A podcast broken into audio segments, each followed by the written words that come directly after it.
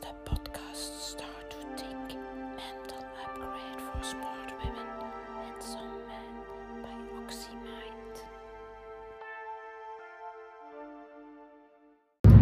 Waarom is gelijk krijgen of gelijk hebben belangrijk? Dit is weer een vraag van Start to Think en ik ben Olga van OxyMind.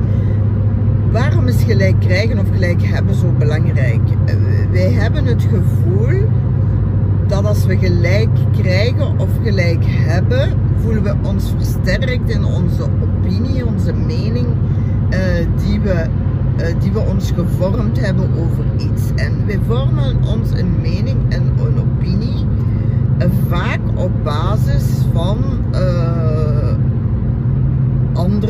meningen die wij gehoord hebben, op basis van wat wij horen in de media, op basis van wat wij lezen enzovoorts. En met die info die we altijd over een bepaald onderwerp of problematiek kennen, gaan wij ons een mening vormen. Nu, uiteraard vormt zich iedereen constant over van alles en nog wat een mening.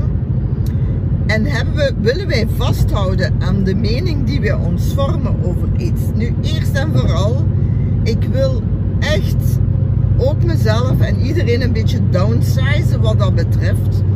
En het bewustzijn creëren dat wij geen, vaak geen experten zijn.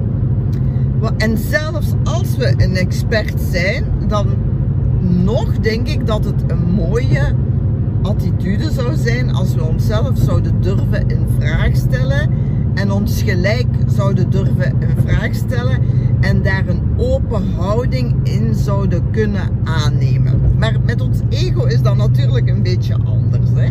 Want zeker als we het gevoel hebben, we zijn een expert ter zake, kan het zijn dat we een missie hebben om een ander te overtuigen. Dat bijvoorbeeld ook, dat bijvoorbeeld ook met geloof. Hè? Dat we, er zijn mensen die echt, hè, we hebben de missionarissen gekend, die echt de missie hadden, hè, missionaris, de missie om anderen te gaan overtuigen van het geloof en van het gelijk van hun godsdienst. Nu is er mis met iets te geloven of een opinie te hebben over iets? Uiteraard niet. En uiteraard, wat doen we? We doen dat gewoon om de chaos in onze kop te reduceren. En we hebben het gevoel, eens dat we onze mening en een opinie over iets gevormd hebben, dat dit een zekere rust bij ons creëert, wat eigenlijk een fake rust is. Maar het geeft ons wel het idee, oké, ik denk er zo over en ik wil er nu zo over denken. Dat is een keuze die we maken. En meestal gaan we die dan vastzetten. Uh, vastlokken, zeggen we. Dus, en wat gebeurt er ook met geloof? We kiezen voor een bepaald geloof, we kiezen voor een bepaalde partner, we kiezen voor een bepaalde job, we kiezen voor uh, een overtuiging, eender welke dingen. En dan, dan, dan, dan is die ergens vastgelokt. En daar is natuurlijk de denkfout die we maken. Hè? Want voor ons is het dan comfortabel en rustig om te blijven vasthouden aan die overtuiging. Maar wat staat dat in de weg? Natuurlijk onze openheid om een open, rustige discussie aan te gaan over het onderwerp met anderen. Nu moeten we over alles terug beginnen twijfelen en openstaan. En dat is het, hè, die angst van die zekerheid die we dan voor ons gebouwd hebben, dat fundament ergens, over wat dan ook. Hè. Pak nu over het vaccin bijvoorbeeld. En wij willen eigenlijk daar niet aan beginnen twijfelen, omdat dat weer een zekere onrust veroorzaakt. Hè. Want wij zijn juist en de andere is fout. Nee, kijk, zo zit het natuurlijk niet in elkaar. Hè. Dus ik zou ook iedereen willen uitnodigen, kijk, sta achter je overtuiging maar wees wel open-minded, maar dan op een rustige manier. En op een manier van, oké, ik wil wel eens een andere opinie horen, maar ik wil niet met Jan en alle man constant in discussie gaan over dingen die ik geloof. En ik respecteer mijn geloof of mijn overtuiging en ik respecteer die over van een ander.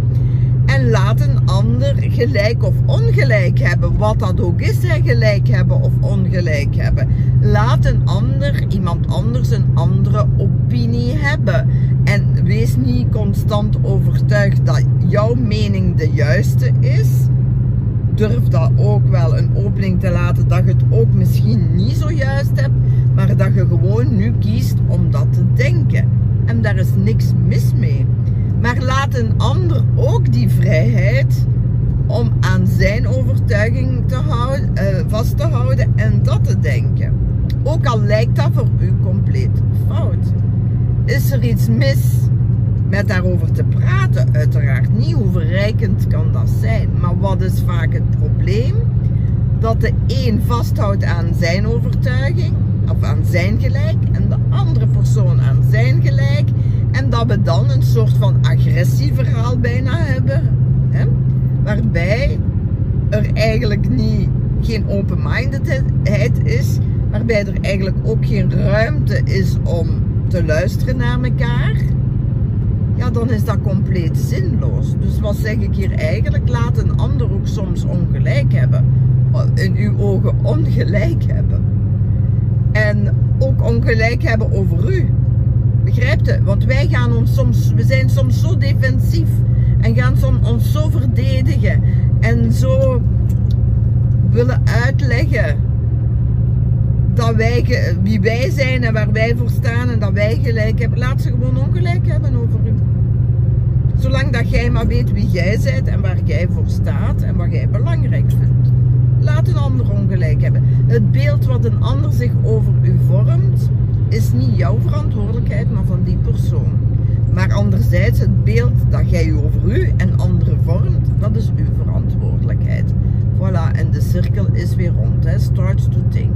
En om nog, uh, uh, soms kan praten en discussiëren goed zijn, maar choose your battles.